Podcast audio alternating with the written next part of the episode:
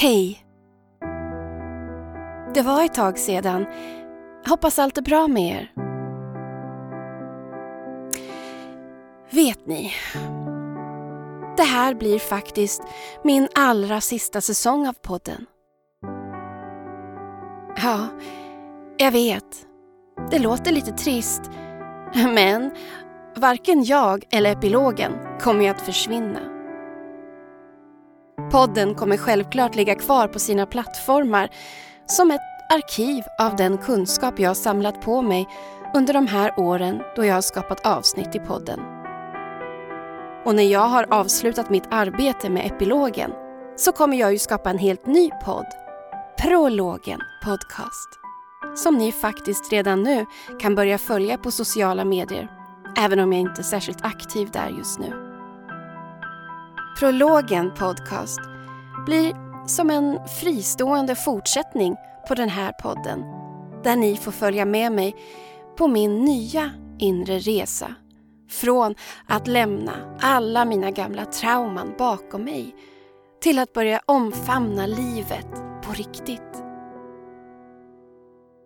Även om prologen kommer vara i samma monologform som i denna podd så kommer både innehåll och upplägg skilja sig rätt betydligt från epilogen.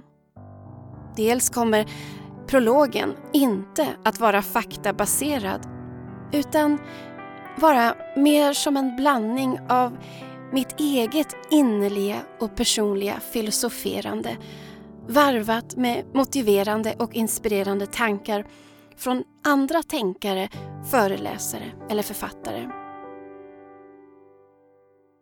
Prologen kommer även ha en betydligt mer litterär känsla och innehålla både surrealism och fantasikaraktärer som jag möter på min resa.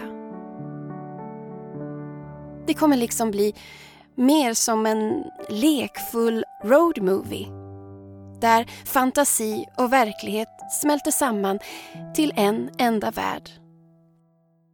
Ja, till min värld.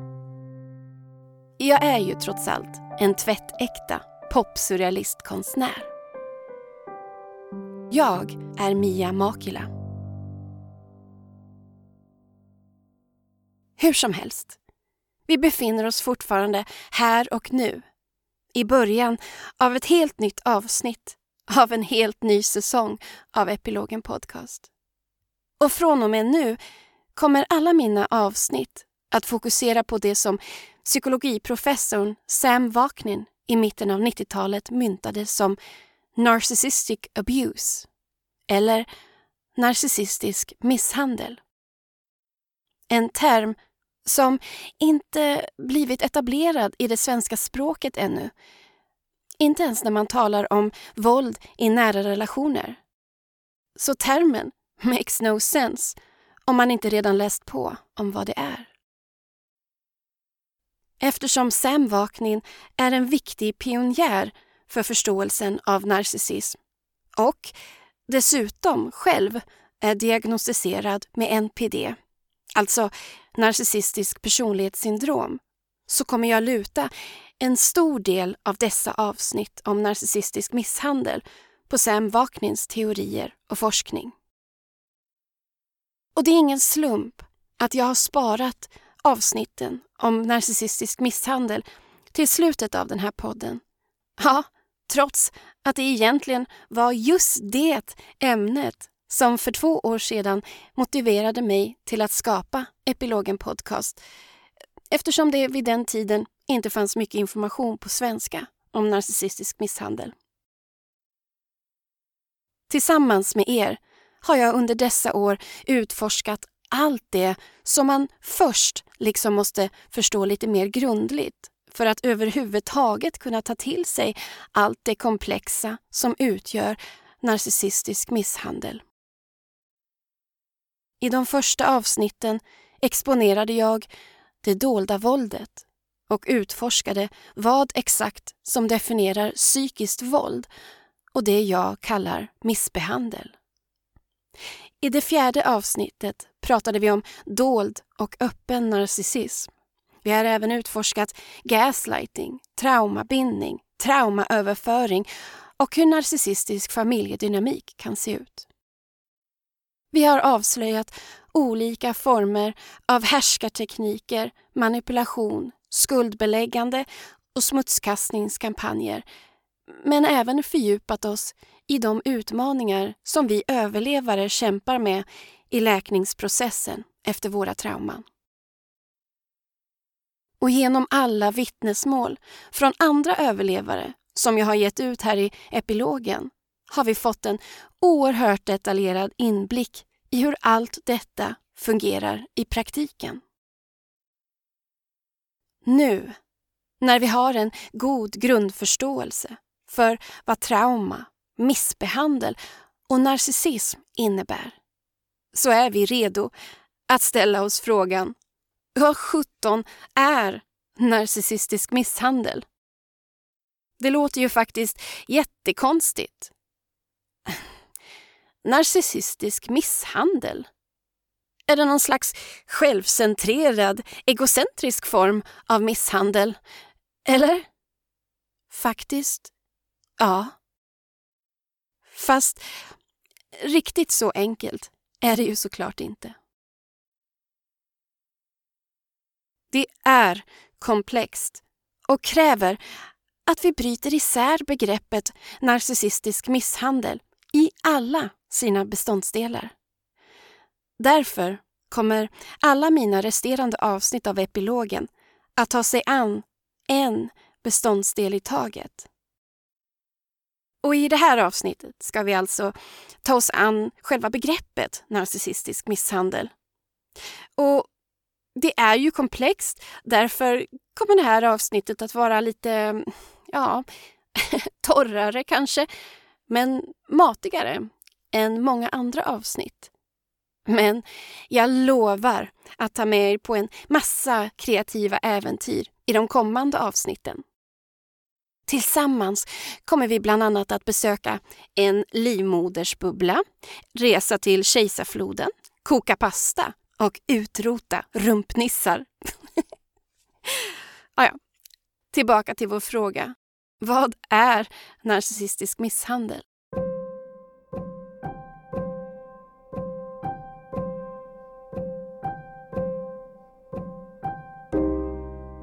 Det allra första jag vill svara på den frågan är att det är en underkategori till misshandel och våld inom en nära relation.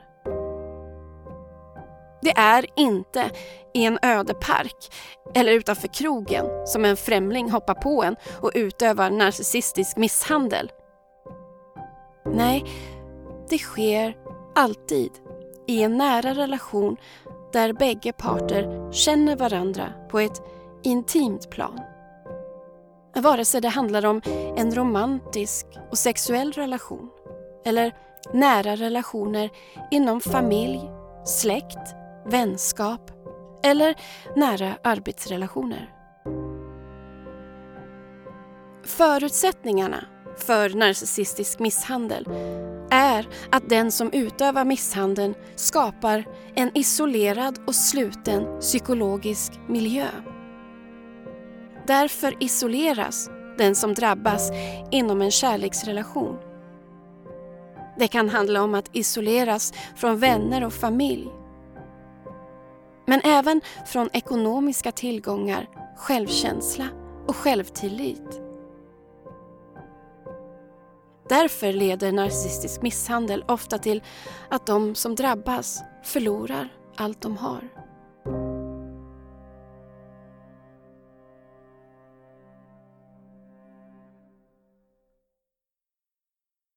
Det andra som jag genast vill svara på frågan är att narcissistisk misshandel utförs av en individ som antingen har en diagnostiserad eller odiagnostiserad form av NPD, narcissistiskt personlighetssyndrom, eller endast har patologiskt narcissistiska drag. Och när jag säger patologiskt så menar jag sjukliga och skadliga drag.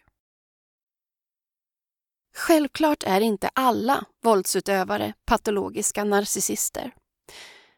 Manipulativa eller våldsamma människor kan helt enkelt vara känslomässigt omogna allmänt idiotiska, självcentrerade, ha problem med sin aggressivitet, empatinedsättning, ha andra slags diagnoser eller en kombination av olika diagnoser som överlappar varandra och som kanske förstärks av missbruk eller en stressande livssituation, grupptryck, hederskultur eller vad sjutton som helst. Och det tredje jag först tycker att vi ska reda ut gäller själva våldet inom narcissistisk misshandel. Vad är misshandeln i narcissistisk misshandel?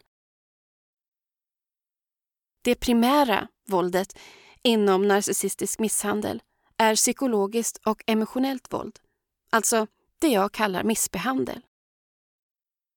Men utöver dessa kan det även förekomma alla slags varianter och kombinationer av våld och övergrepp. Ingen relation där det förekommer narcissistisk misshandel är såklart lik en annan, men följer ändå ett mycket förutsägbart mönster, snarlik dynamik, typiska faser och återkommande cykler. Jag pratar just om dessa faser och cykler i avsnitt 4, Dold narcissism. Lyssna gärna på det för att förstå hur och varför narcissister lovebombar, nedvärderar, överger, hovrar och smutskastar andra människor.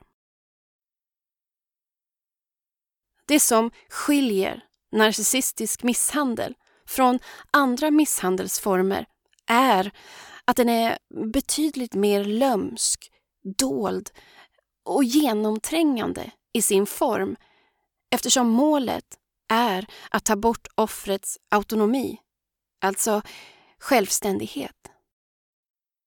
Därför kan narcissistisk misshandel göra en oerhört djup skada hos de som drabbas, även om det aldrig förekommer fysiskt våld. Överlevare av narcissistisk misshandel kämpar med mycket svåra psykologiska skador och själasår och ofta med komplex traumatisering. Narcissistisk misshandel är betydligt mer sofistikerad, beräknande och allomfattande än andra misshandelsformer och även mer varierad och nyanserad i de olika sätt som våldet och övergreppen tar uttryck i.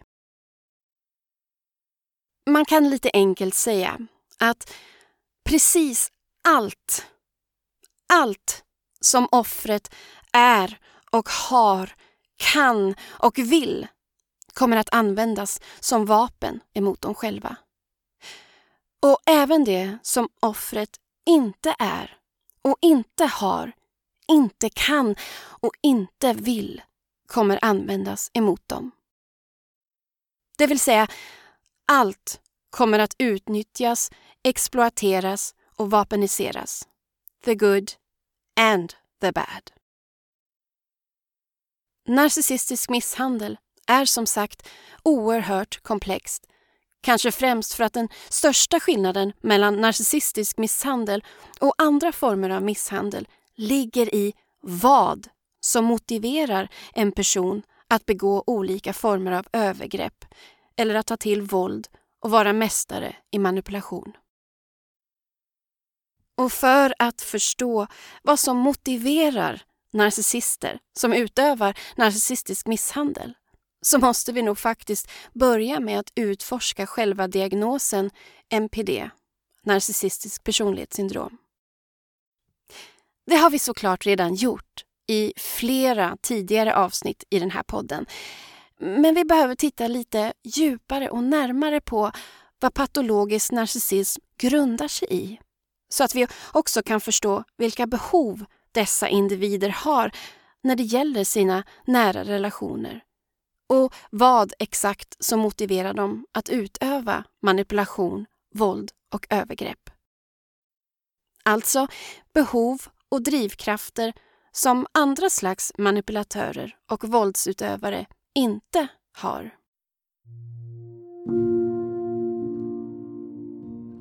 Vi har även pratat mycket om personlighetssyndromen inom kluster B här i epilogen. Men att förtydliga lite så kan man säga att kluster B innefattar dramatiska personligheter som ofta söker konflikt med andra. Eller i alla fall att det leder till många konflikter. Eller oförmögna att reglera sina egna känslor. Och saknar en inre jag-instans.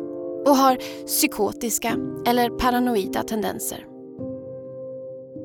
Och för att förtydliga, inom kluster B-personligheter så ryms narcissister, antisociala människor, eller som förr kallades psykopater, men även borderline och histrionisk. De mest aktuella teorierna om dessa personlighetssyndrom är att de grundar sig i en traumarespons till tidiga, långvariga upplevelser av förödmjukelser, övergrepp, våld eller försummelse. Ofta av en eller bägge föräldrar. Idag diskuterar många forskare om huruvida kluster B-personligheter är uttryck för komplex traumatisering i barndomen. Alltså ett spektra av C-PTSD, komplex posttraumatiskt stressyndrom. Dock är det värt att nämna att antisociala människor, eller psykopater, även har abnormaliteter i den fysiska hjärnan. Så när det gäller psykopati är det mer komplext än de andra personlighetssyndromen inom kluster B. Forskarna är inte heller överens om varför vissa barn som utsätts för övergrepp och våld av en förälder utvecklar ett personlighetssyndrom medan syskonen som upplevt samma övergrepp inte gör det.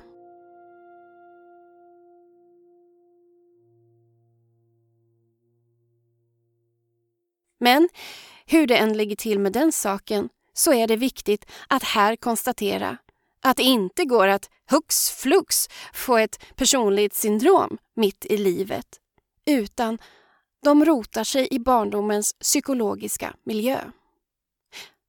Det går inte heller att bota ett personlighetssyndrom, utan endast att bli medveten om dem och hitta sätt att reglera triggers och symptom.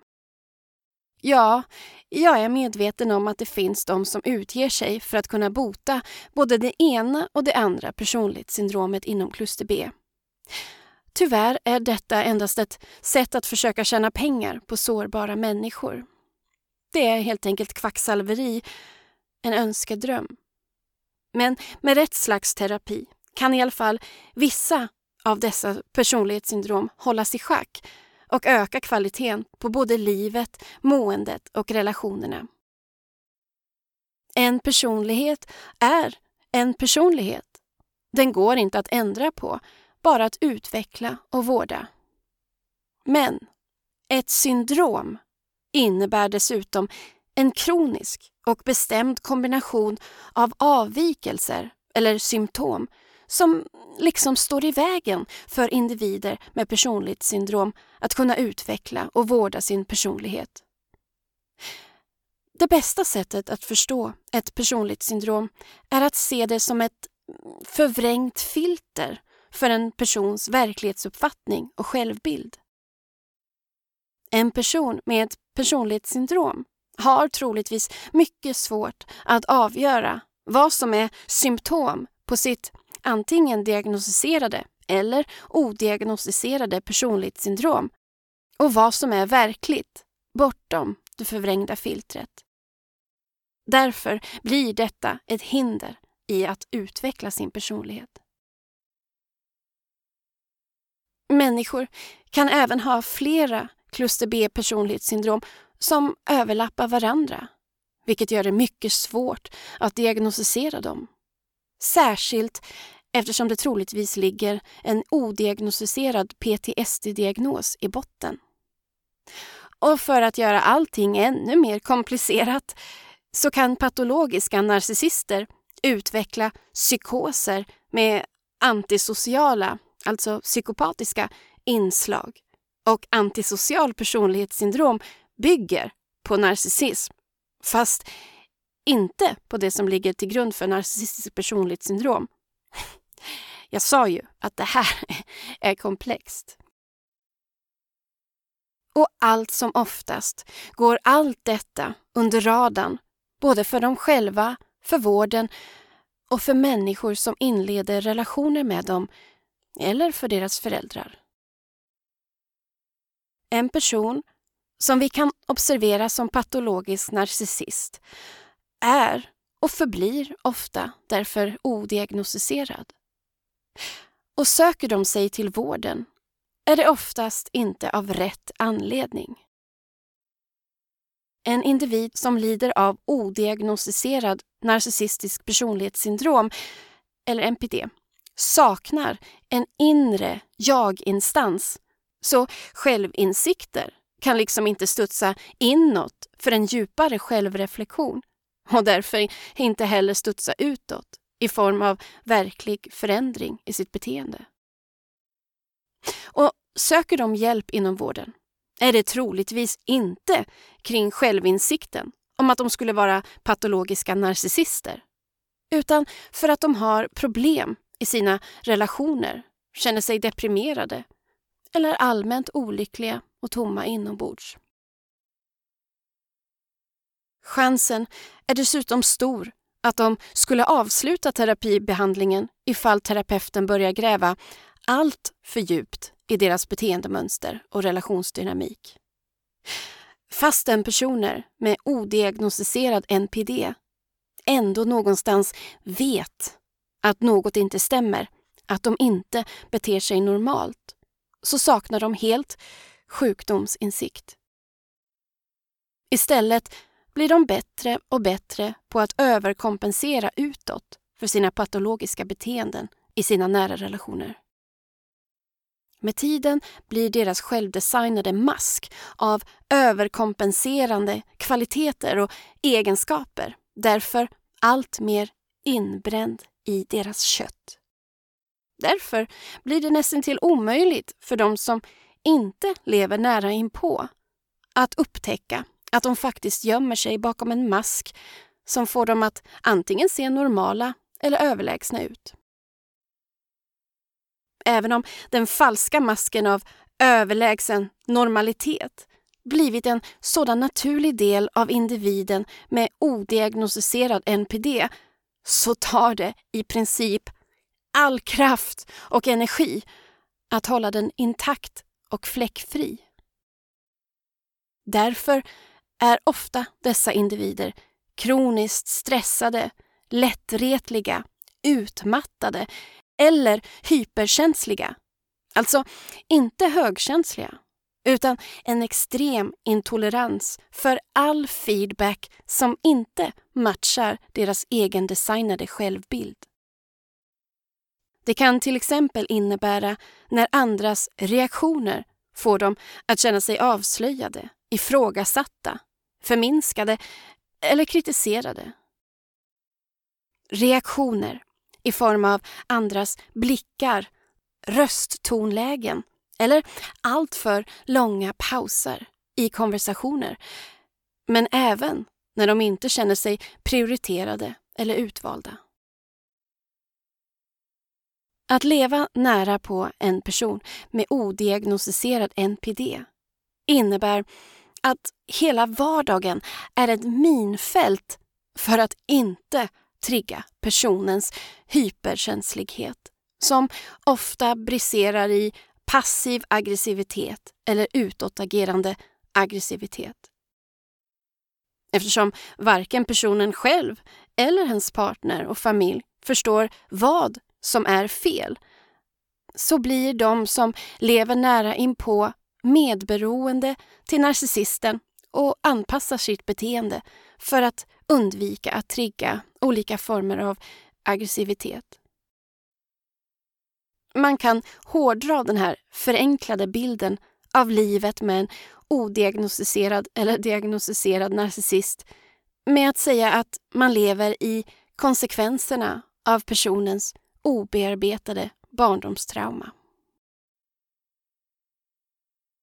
En av de största skillnaderna mellan en narcissist och en psykopat ligger i att psykopater har noll, noll intresse för vad andra människor tycker och tänker om dem. Medan för narcissisten så betyder andra människors åsikter om dem allt. Hela narcissistens uppfattning om sin egen existens och sin jagkänsla ligger ju i blicken utifrån. Vare sig det handlar om att uppfattas som perfekt och överlägsen, som skrämmande och respektingivande eller som det eviga, omöjliga offret som man bara vill rädda. Eller alltihop i en enda mix.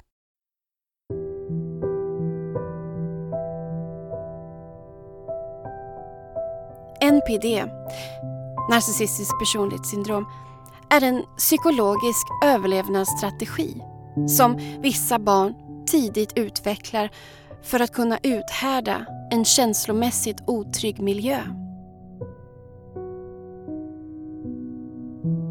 Denna miljö kan innefatta en eller två skadliga föräldrar eller anknytningspersoner eller en skadlig förälder och en förälder som är så pass passiv att den faktiskt tillåter den skadliga föräldern att fortsätta utöva olika former av övergrepp och våld på barnet och på sig själv.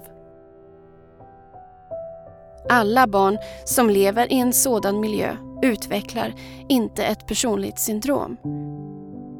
Till exempel kan ett barn i en syskonskara utveckla ett personlighetssyndrom medan ett syskon utvecklar medberoende problematik. Och ett tredje syskon kan vara helt fri från dessa problem men kanske senare i livet hamnar i missbruk eller har olika perioder av djupa depressioner. Vad som styr att syskonen utvecklar olika överlevnadsstrategier är svårt att säga men den genetiska uppsättningen kan vara en sådan förklaring.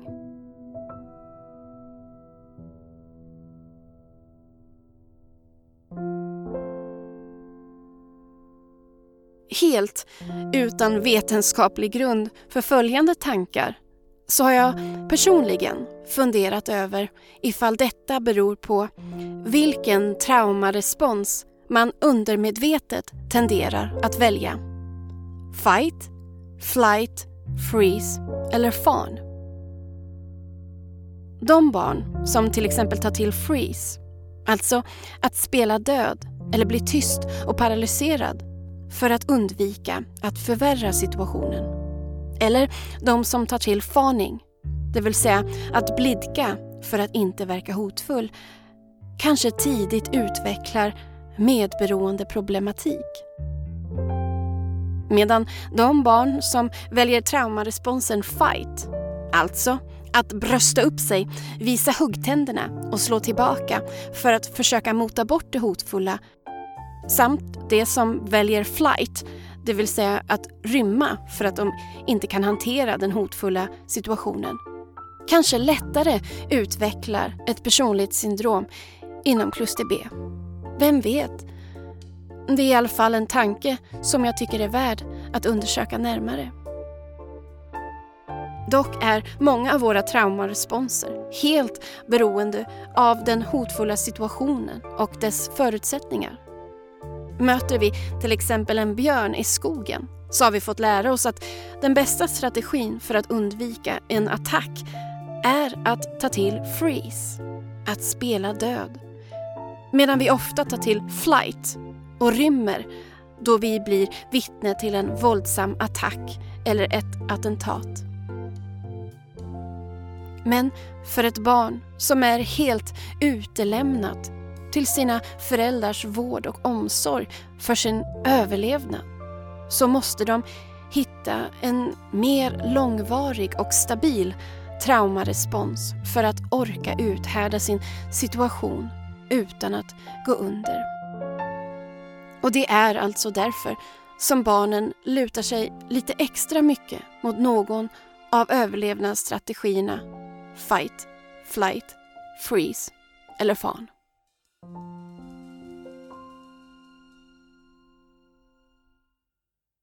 Hur som helst.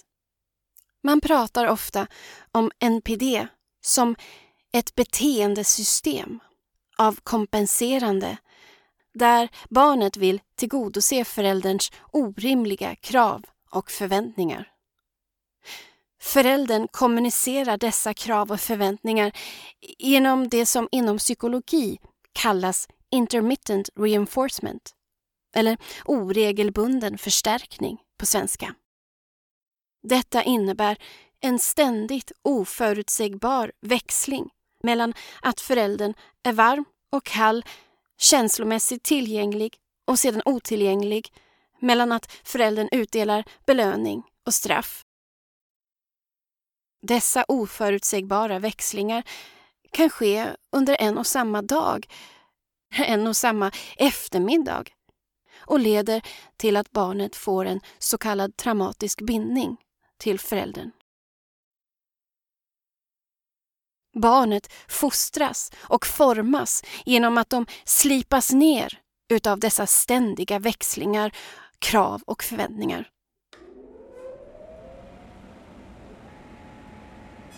Lite som om föräldern sätter dem i en svarv som formar dem efter önskad design.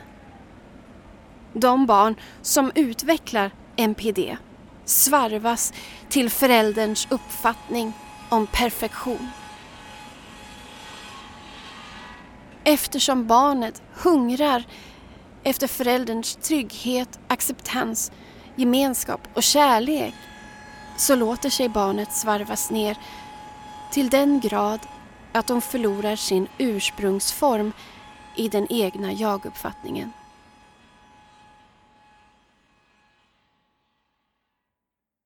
Barnet bildar på så sätt en slags allians med föräldern och börjar därför förakta allt som påminner om alla de egenskaper och kvaliteter som slipats bort och utgör det äkta jaget. Allt det som föräldern uttrycker sitt förakt, avsmak och hat inför. I den söndersvarvade jag-formen upplevs de som perfekta eller i alla fall godkända och accepterade i förälderns ögon och gör att de ofta slipper undan outhärdliga bestraffningar och istället får ta del av utdelningen av de positiva belöningarna. Det vill säga förälderns godkännande, respekt, acceptans, kärlek och känsla av samhörighet och trygghet. Konsekvenserna av barnets allians med förälderns krav på perfektion är att det bildas en falsk jag-känsla hos barnet. Det som upplevs som en inre röst, ett inre jag, är alltså inte äkta.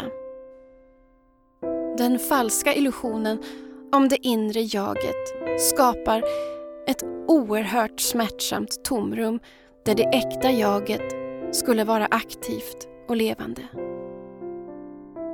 Eftersom denna allians med föräldern sker under den fysiska hjärnans utvecklingsfaser förtränger barnet sitt äkta jag till den grad att det inte längre är tillgängligt för sig själv. På så sätt begår barnet omedvetet ett jag-självmord och blir därför helt och hållet utelämnat till det falska jaget. Alla upplevelser, intryck, känslor, behov och förväntningar filtreras ur denna falska jagkärna. Det falska jaget speglar inte barnets egna tankar, känslor och beteenden utan endast den skadliga förälderns krav, förväntningar, moral och värderingar. Och den speglar samtidigt även den passivt tillåtande förälderns godkännande på vem barnet alltså borde och måste vara för att förtjäna bägge föräldrarnas kärlek, acceptans och samhörighet.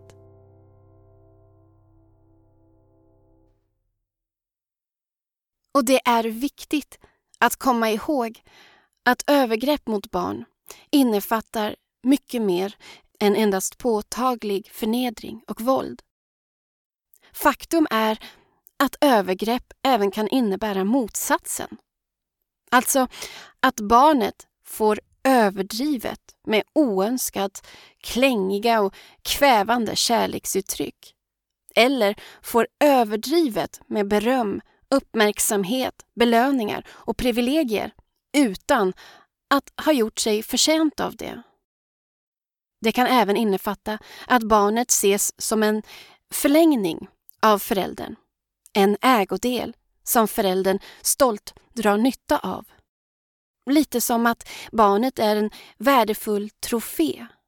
Som alltså inte anses vara värdefull för sitt äkta jag utan för att det får föräldern att se bra ut.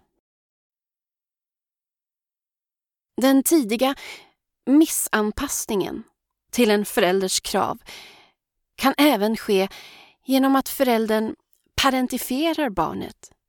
Alltså att uttalat eller outtalat kräva att barnet ska ta hand om föräldern. Eller genom det som kallas emotional enmeshment. Alltså att på ett känslomässigt plan bli ett med barnet genom känslomässig incest. Där barnet blir, ja, som en ställföreträdande partner åt sin egen förälder. En partner som tröstar, stöttar och lyssnar och som får dem att känna sig mindre ensamma. Eller medlar i förälderns konflikter med andra människor. Eller tvingas vara lojal mot föräldern i en vårdnadstvist. För att summera allt detta så tycker jag att Sam Vaknin säger det så bra. NPD kan utvecklas hos barn där föräldrarna sätter dem på en piedestal som är omöjlig att komma ner ifrån. Eller där föräldrarna lägger piedestalen på barnet tills tyngden bryter ner dem. I bägge fall är inte barnet sedd som en egen individ utav föräldern utan är bara älskad för sitt falska jag.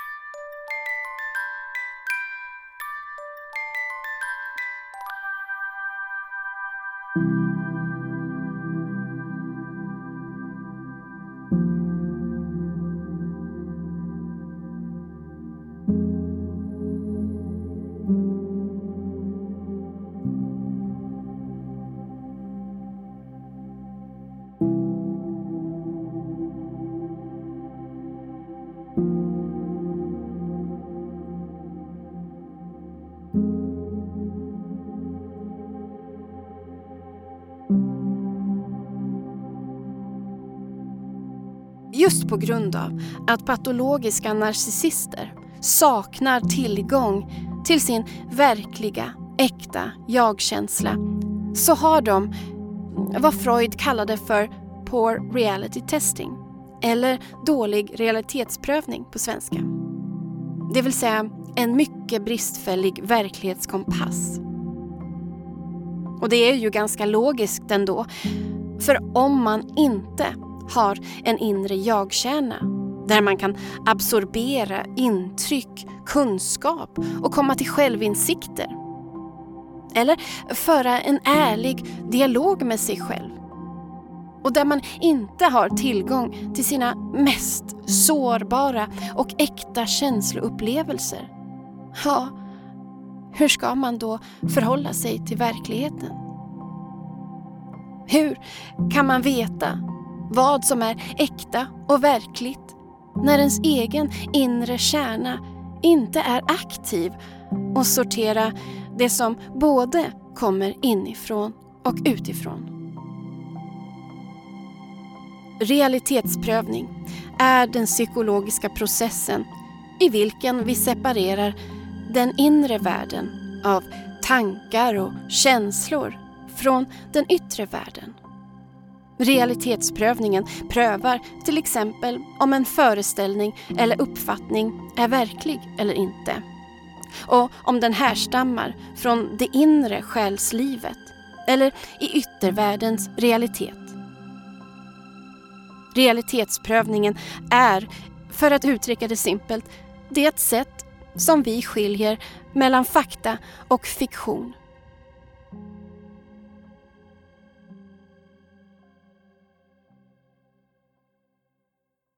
För en individ som lider av ett personligt syndrom eller annan psykisk sjukdom så blir processen av en psykologisk realitetsprövning ofta korrupt och olämplig. Det har som sagt det man kallar på engelska poor reality testing, en begränsad förmåga att realitetspröva. För patologiska narcissister är därför känslor samma sak som fakta och bevis.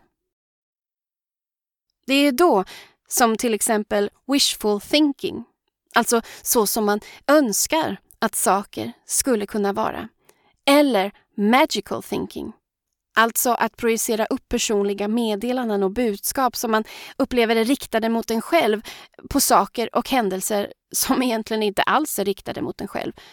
Och det här upplevs som helt och hållet verkliga. Begränsad förmåga till realitetsprövning gör även att hallucinationer, psykoser och vanföreställningar upplevs som verkliga och äkta. Och orsaken till narcissisters begränsade förmåga till realitetsprövning ligger i att de aldrig separerat den yttre världen från den inre, som alla barn naturligt gör i sin utveckling. Och Det här har jag faktiskt pratat om förut i den här podden. Och jag tänkte att vi skulle lyssna på ett litet stycke ur den första delen av Narcissism i familjen. För det passar verkligen bra in här när vi pratar om hur svårt det är för narcissisten att navigera mellan den inre och den yttre världen.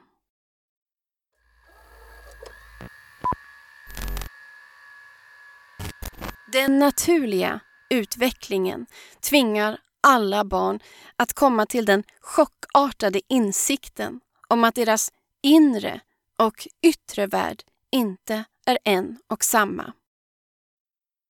Att mamman inte bara tillhör barnet utan också är sin egen individ som har fler roller att spela för andra. Att hon är pappans fru, syskonens mamma, hon är mormorns dotter och har egna vänskapsrelationer. Detta är en smärtsam och omvälvande insikt, en slags sorgprocess för ett barn som sett mamman som hela sin värld. Men i den naturliga utvecklingen accepterar barnet den oundvikliga separationen mellan den yttre världen från den inre, där även mamman blir en del av den yttre världen.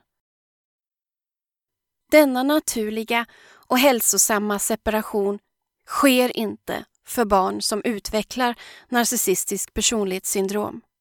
Det yttre upplevs fortfarande som en del av det inre. Mamman tillhör det narcissistiska barnet. Syskonen är endast bifigurer i det narcissistiska barnets liv och inte egna individer. Det är just mötet med denna separation mellan den yttre och inre världen som orsakar narcissistens ursinne och kallas narcissistic mortification. En term som Sigmund Freud myntade och som kan översättas till en extrem form av narcissistisk förödmjukelse. Alltså, det chockartade och förödmjukande mötet med verkligheten så som den verkligen är och sin äkta position i den som mänsklig, sårbar och absolut icke allsmäktig.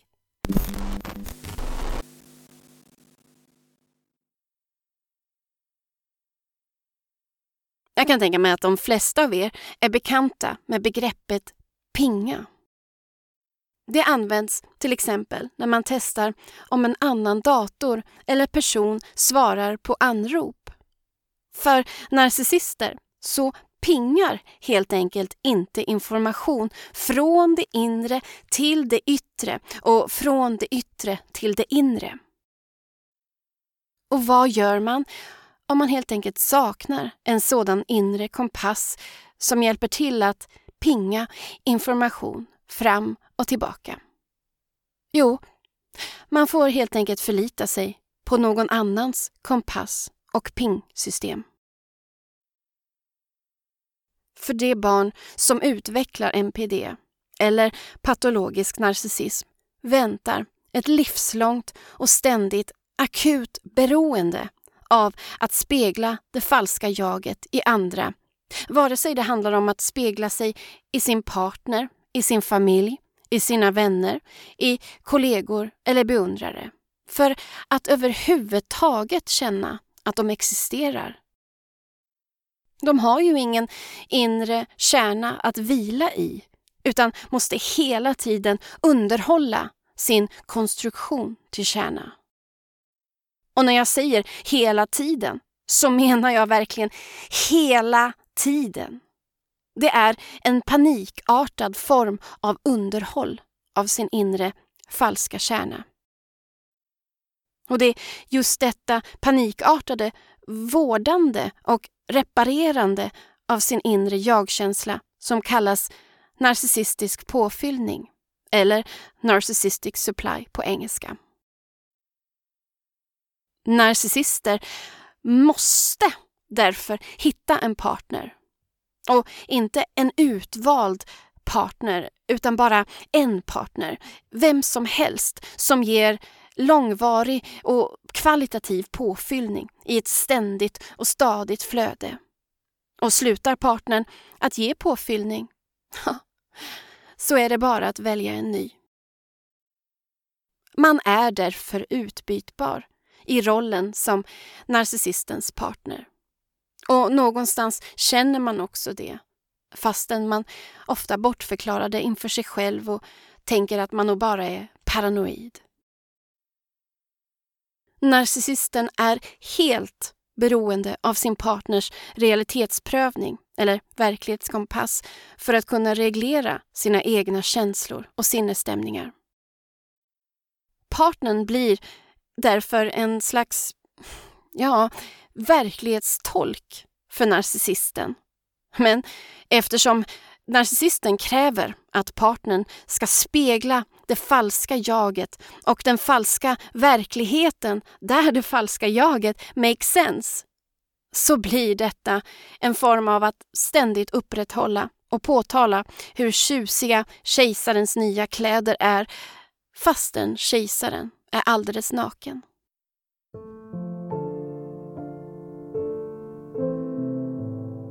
När man förälskar sig i någon som man senare kommer att identifiera som en patologisk narcissist är det vanligt att man upplever personen som ett missförstått förvuxet kärlekstörstande barn.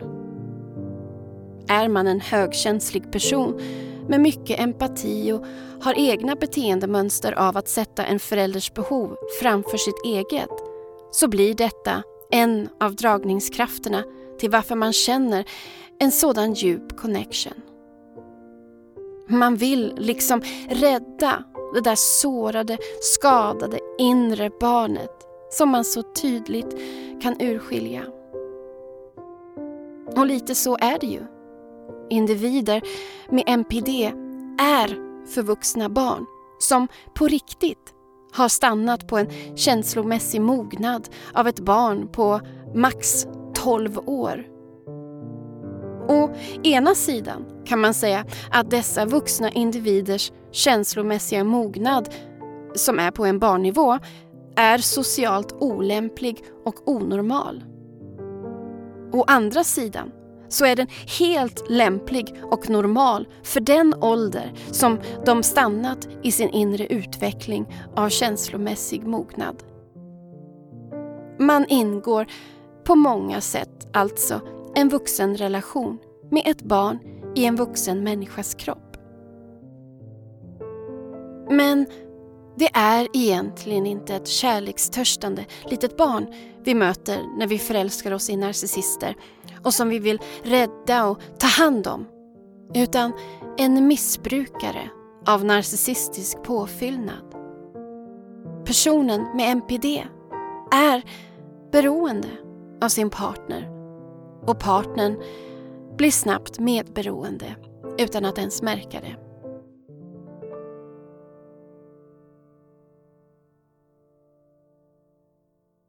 Den här dynamiken av ett outtalat och dolt beroende och medberoende blir till en giftig dödsdans som känns omöjlig för den medberoende att ta sig ur. Och det är just den här dynamiken som utgör skillnaden mellan narcissistisk misshandel och andra former av misshandel inom nära relationer. Nu, när vi har gått på djupet med vad narcissister har för behov som ligger till grund för sina nära relationer, så undrar vi kanske, men våldet då? Själva misshandeln? Skiljer sig våldet i narcissistisk misshandel från så kallad eh, vanlig misshandel i brist på ett bättre ord? Det kan självklart ligga många olika faktorer, orsaker och drivkrafter bakom varför människor utövar olika former av våld. Både rädsla och frustration kan leda till våldsamma aggressioner, liksom heder och toxiska värderingar inom macho och hederskultur. Våld kan vara defensivt och offensivt, självförsvar och attack.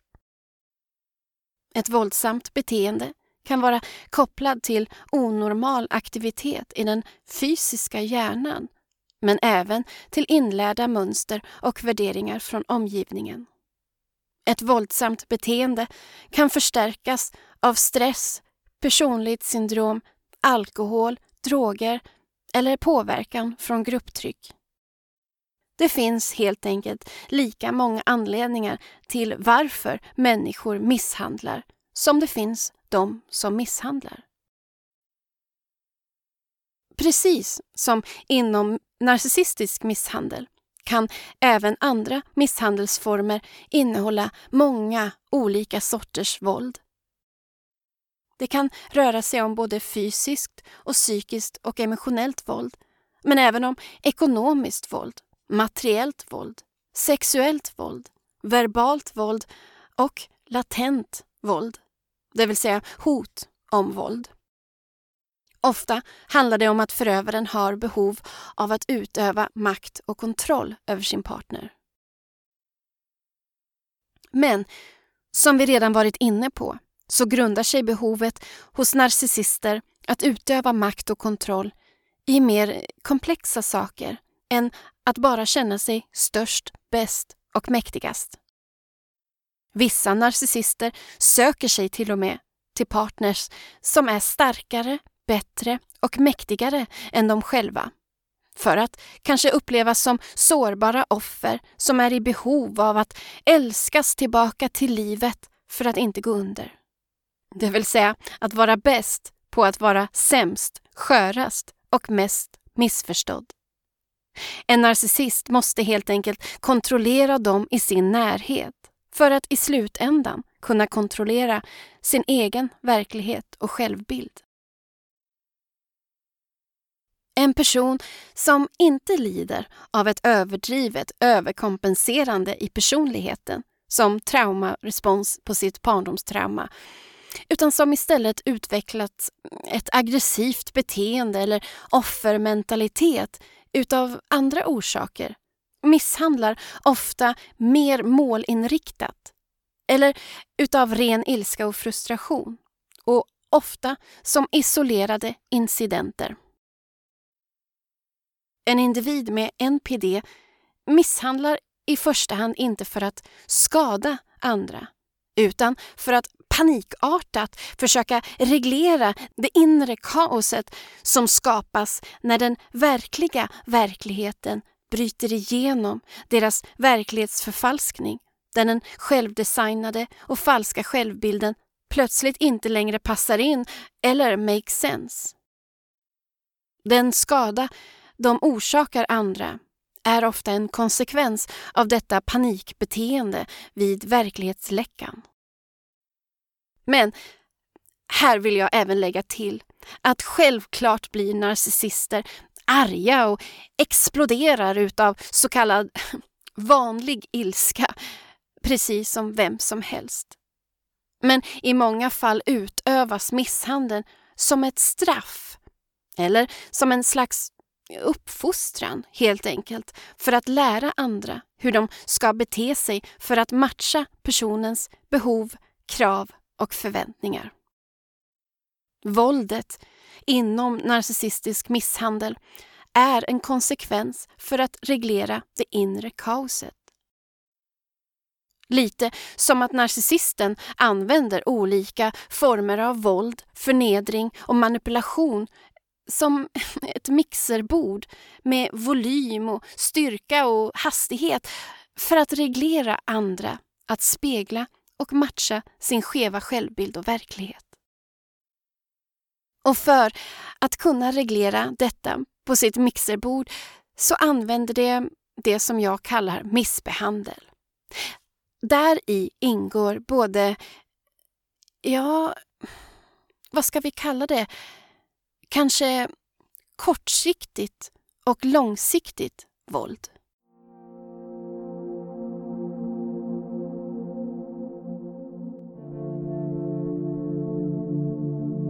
Det kortsiktiga våldet utövas plötsligt och explosivt för att få som hen vill i stunden och panikartat lappa igen där verkligheten sipprat igenom verklighetsförvanskningen.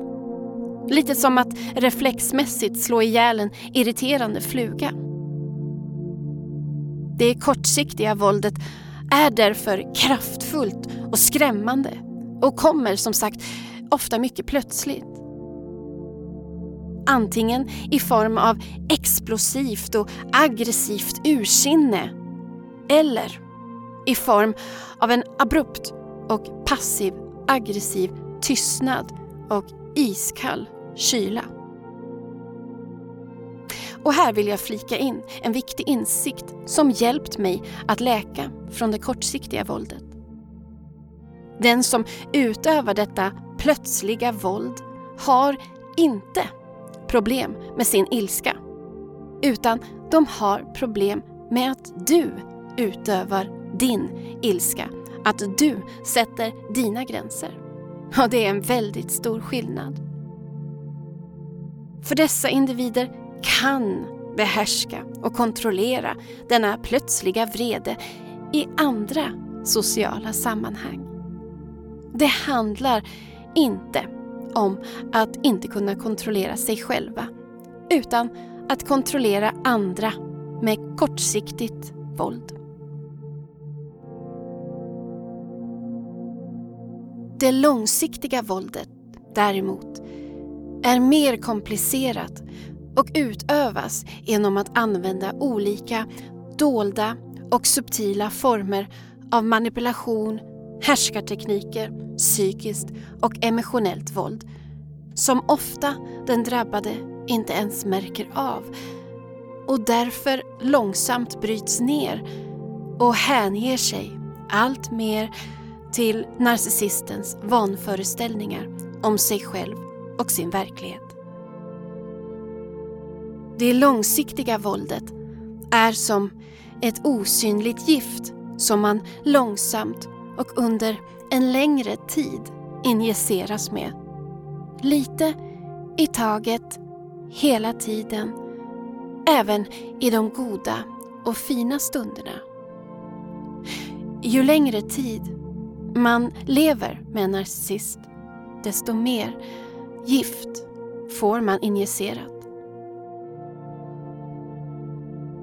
Det är ju därför jag kallar psykiskt och emotionellt våld för missbehandel. Eftersom det långsiktiga våldet i misshandeln även innebär själva atmosfären i relationen.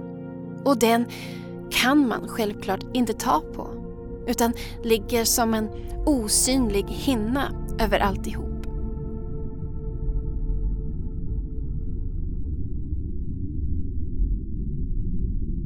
Den osynliga atmosfären innehåller bland annat alla små gliringar som man sväljer utan att egentligen få stopp på dem. Ofta upprepas dessa gliringar om och om igen som en bekant slinga. Det blir lite som en melodi som man blir bekant med och till slut även förväntar sig. Det kan vara att ständigt få höra men är du dum eller? Men är du dum? Men är du dum eller? Men är du dum? dum, dum, dum?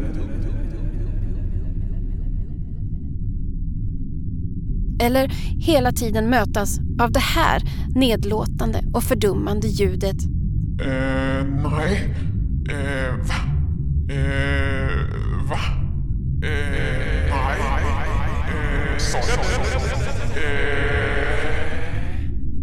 när man uttryckt sin åsikt eller hur man känner. Eller att få en viss blick när man äter lite för mycket av godsaker. Haja baja, nu blir du tjock och när du blir tjock kommer jag lämna dig för någon som är smalare och snyggare. Eftersom budskapet i gliringen, eller det lilla mentala tjuvnypet, ofta kommer som en bekant slinga så blir det bokstavligen som en melodi som man får på hjärnan. Och jag antar att alla ni har någon gång haft en låt på hjärnan som känns omöjlig att få bort. Så är det även med dessa upprepade melodier av gliringar, uppläxningar eller dolda hot. De sätter sig just eftersom de kommer i en bekant melodi som sedan internaliseras och som blir en del av ens egen inre röst.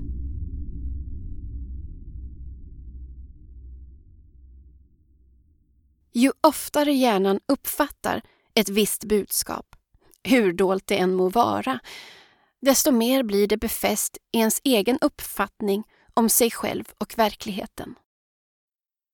Det är just det här som jag pratar om i avsnittet Orimlighetsprincipen, där jag berättar om hur jag har lyckats omprogrammera min hjärna från internaliserad manipulation. För det är exakt så här som hjärntvätt fungerar. Hjärntvätt syftar till att förändra en människas personlighet och beteende eller att genom manipulation framkalla en förändrad verklighetsuppfattning hos någon.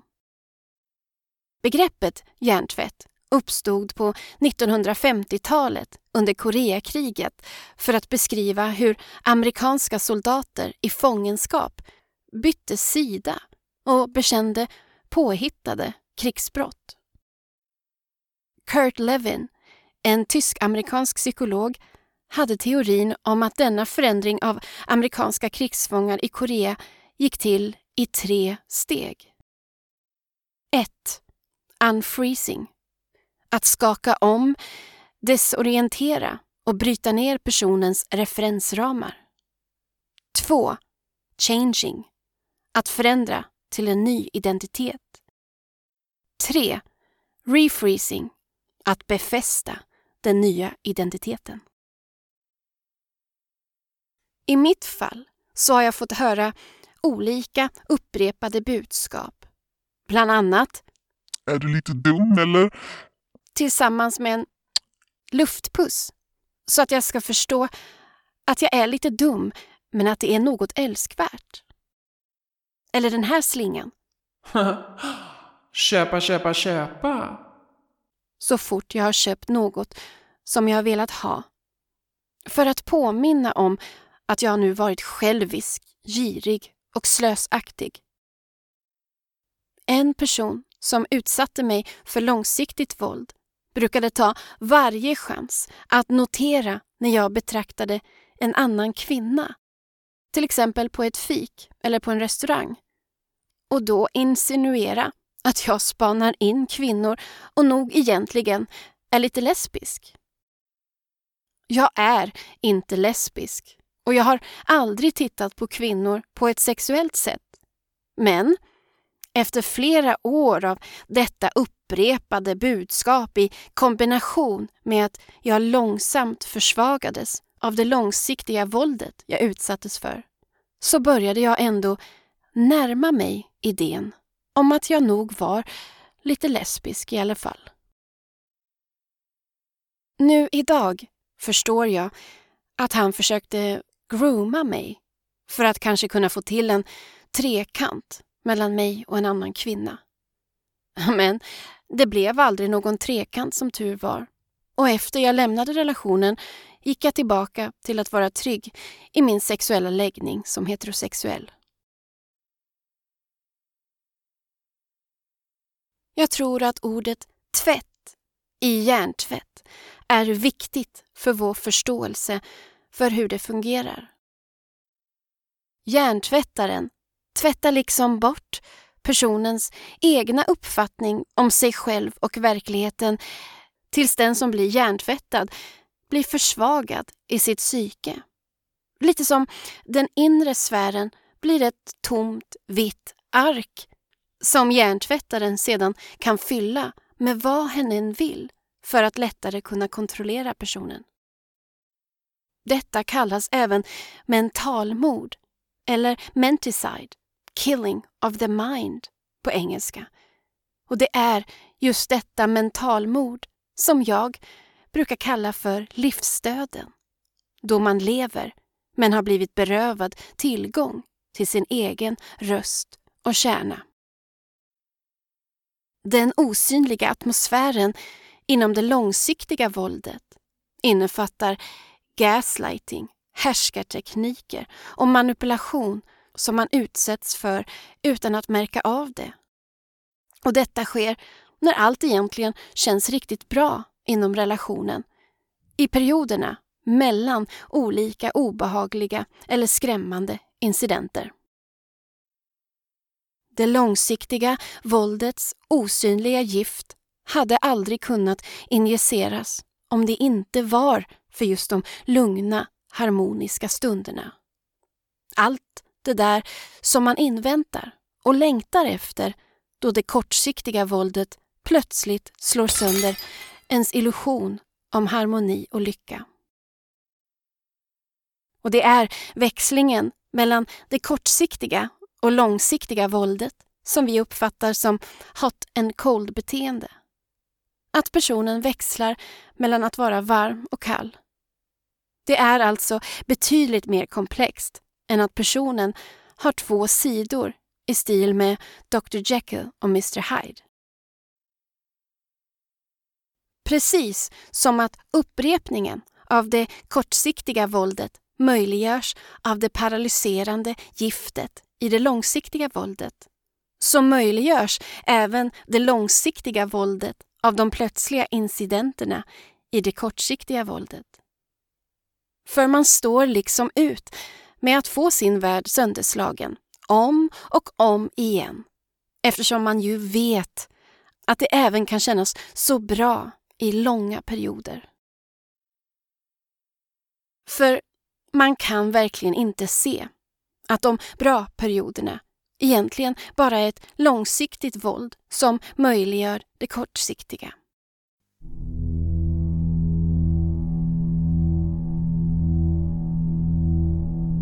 Det långsiktiga våldet inom missbehandel är som ett gift som paralyserar och håller kvar partnern i dynamiken. Medan det kortsiktiga våldet är till för att kontrollera personen i stunden. Detta leder inte bara till en traumatisk bindning till förövaren utan även till inlärd hjälplöshet. En känsla av nowhere to run, nowhere to run.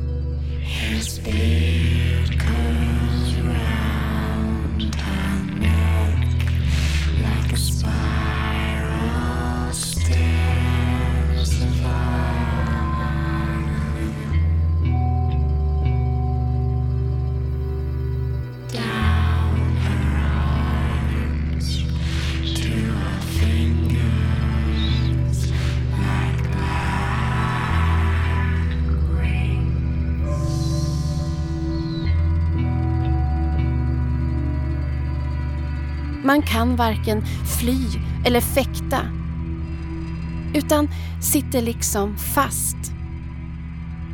Paralyserad. Som ett byte i ett klibbigt spindelnät.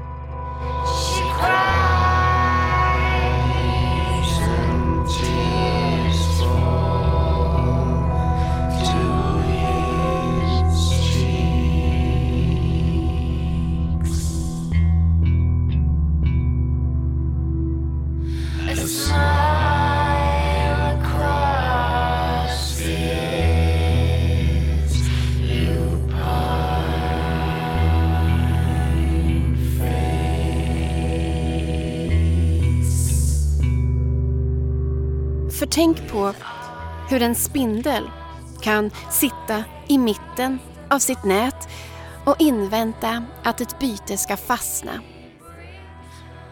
Och då bytet sitter fast rusar spindeln fram och injicerar gift i bytet genom ett bett med käkarna som försvagar bytet som då inte har chans att ta sig loss från nätet.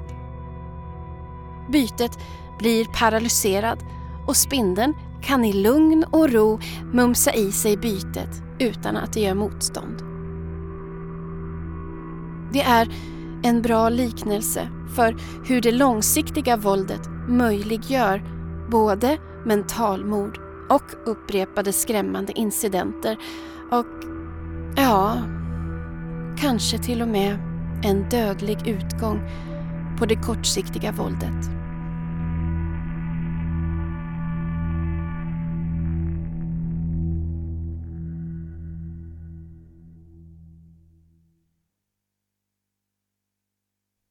Det är vanligt att överlevare upplever att det är lättare att bearbeta traumatiska minnen kring det jag kallar det kortsiktiga våldet, särskilt fysiskt våld, än det jag kallar långsiktigt våld. Det kortsiktiga våldet är incidenter som man kan ta på och därför även kan tänka på, prata med andra om och bearbeta. Men det långsiktiga våldet är svårare att ta på och man kanske inte ens har ord för att beskriva vad det är man har upplevt eller hur man har upplevt det. Man kan inte tänka på det och inte heller prata om det. Och då kan man inte bearbeta det. Som jag nämnde i början av det här avsnittet så var det Sam Vaknin som myntade begreppet narcissistisk misshandel. Men jag tror att det är få som vet att han har även myntat termen gaslighting och nollkontaktsregeln no contact som är den enda tänkbara strategin för att ta sig ur narcissistisk misshandel. Vi kommer att prata mer om nollkontaktsregeln i ett senare avsnitt.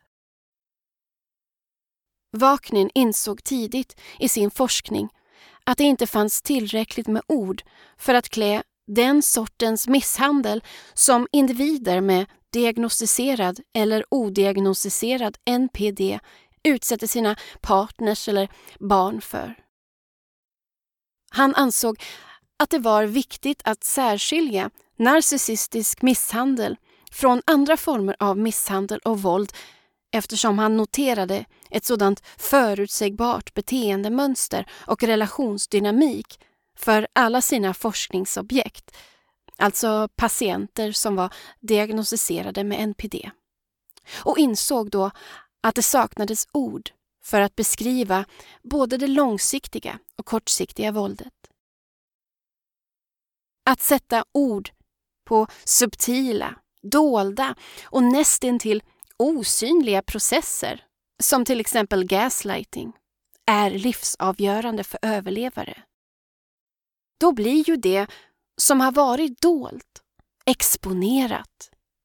Och då blir det som man inte har kunnat ta på faktiskt någonting man kan ta på och därefter börja tänka på det, prata om det och bearbeta det.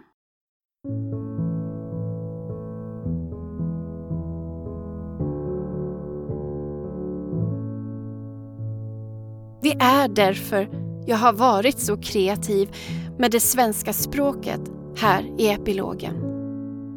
Jag kallar emotionellt och psykiskt våld för missbehandel. Jag har rakt av översatt det engelska ordet abusive till abusiv eftersom ordet abusive egentligen inte har någon riktigt bra svensk översättning.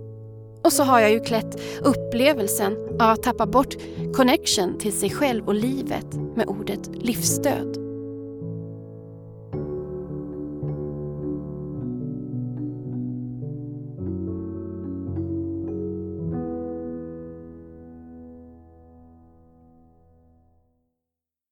Det är så fruktansvärt tufft att ta sig ur en relation där det förekommit narcissistisk misshandel. Vare sig det handlar om en kärleksrelation, familj eller vad det nu kan vara. Och efter man lyckats lämna så tror man att that's it, nu kan livet börja. Men nej, det är då man ramlar ner i ett ännu mörkare hål. Man faller liksom till botten av botten när man inser att man inte längre vet vem man är. Eller i alla fall vem man har blivit. Då man inser att man har utnyttjats för någon annans vinning. Att man alltid varit utbytbar. Att man endast fyllt en funktion för en annan människa. Då man inser att man inte längre kan avgöra vad som är ens egna tankar, åsikter, drömmar och behov och vad som egentligen är en påtvingad programmering av förövarens tankar, åsikter, drömmar och behov. Det är oerhört förvirrande och gör en desorienterad både inombords och i världen utanför. Och alla uppvaknanden som följer när man omprogrammerar sin egen hjärna leder till olika sorters förluster. Men såklart även vinsten att bli äkta och stark i sig själv och sin inre röst. Det är det här som jag kallar dubbeldippen. Att ramla ner i det mörka hålet och nå botten av botten. Och som Helena B porträtterar så himla fint i sin epilog Att hitta ut ur en rysare. Överlevare av narcissistisk misshandel behöver hitta de rätta orden för att kunna förstå vad de har upplevt och utsatts för. Därför är kunskap om narcissism, psykiskt våld och manipulation så himla viktig för överlevare. För varje kunskapsintag följer en insikt och förståelse som liksom spränger sig igenom manipulationen och hjärntvätten. Det är en stark och befriande aha-upplevelse. Så att genomskåda och avkoda programmeringen som faktiskt sitter både fysiskt och metaforiskt i hjärnan är en avgörande del av läkningsprocessen.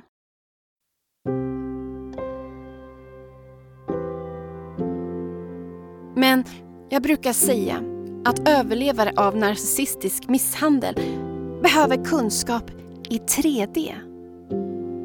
Alltså inte bara kunskap om narcissistens beteende och om hur psykiskt våld fungerar, utan även kunskap om sin egen problematik.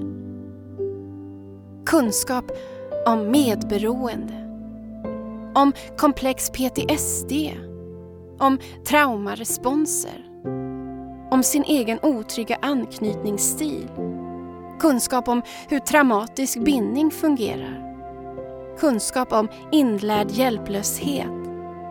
Och till och med kanske kunskap om hur sekter är uppbyggda Särskilt om man har upplevt narcissism inom familjen. Ja, och så kunskap om vilket slags stöd och traumaläkning man behöver för att komma vidare. Man behöver alltså komma till insikt om sina egna destruktiva beteendemönster och mycket av dessa kanske egentligen inte alls har med förövaren att göra. Eftersom traumaläkning är en högst individuell process så går det därför inte att läka på djupet utan hjälp från en professionell terapeut. All kunskap om alla dessa saker som man hittar online, i poddar eller i böcker kan vara livsavgörande. Men det ska ju även omvandlas till en praktisk, verklig förändring. Och tyvärr så upplever många överlevare, inklusive jag själv, att det råder stor kunskapsbrist om patologisk narcissism, psykiskt våld och narcissistisk misshandel inom vården. Därför kan det vara bra att söka sig till en terapeut som är specialiserad på traumabehandling istället och sedan försöka komplettera med egen research om narcissism. Ett av skälen till varför jag startade den här podden var att försöka förbättra kunskapsnormen för dessa ämnen som vården inte erbjuder. För mig känns det viktigt att överlevare av narcissistisk misshandel har rätt till bra och tydlig kunskap om det som de utsatts för.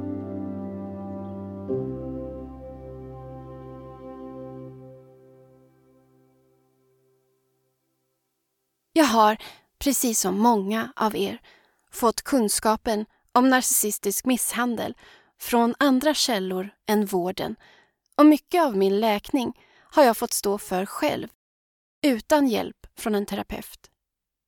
Däremot har jag fått en jättefin traumabehandling i omgångar från flera terapeuter. Så min CPTSD är idag helt under kontroll. Att frigöra mig och läka från narcissistisk misshandel har verkligen varit det allra svåraste, tyngsta och mest mödosamma jobb jag någonsin har gjort. Men här är jag nu, fri och full av livsglöd istället för att känna mig livsdöd. Och om jag har kunnat kämpa mig loss från det klibbiga och paralyserande spindelnätet så kan även du. Ett steg i taget. En tår i taget. En dipp i taget. En triumf i taget. Dag för dag, år för år. Mm.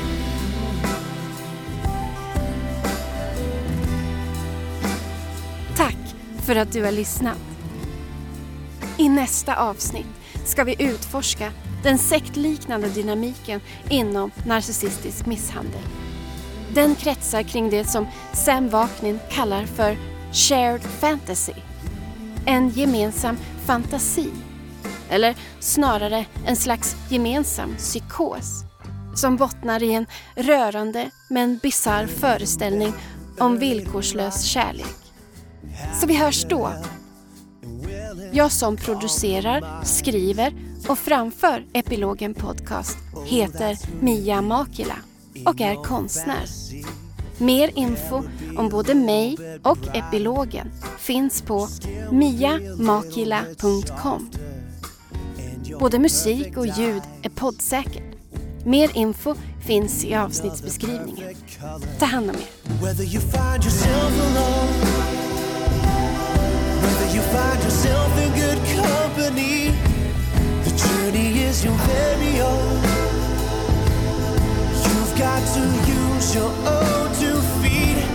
And whether you find yourself at ease And whether you find yourself at odds with your heart There really is no guarantee That you'll have it all from the start top of the world, on top of your game Ahead of the curve And everyone knows your name Oh, that's who you'd be. But in reality, You know you have to try a little harder. You know you have to climb a little higher. And your perfect plans are just as good as any other. So whether you find yourself alone, whether you find yourself in good company, the journey is your very own. You've got to use your own two feet. And whether you find yourself at ease, and whether you find yourself at odds with your heart, there really is no guarantee have it all from the start. So don't go searching for some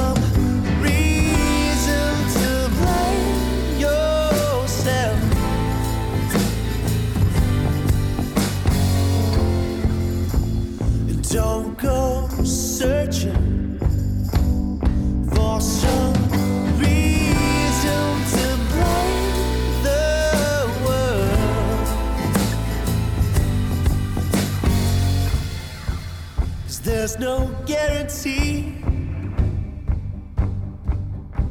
that you'll have it all. That you'll have it all. That you'll have it all. That you'll have it all. And whether you find yourself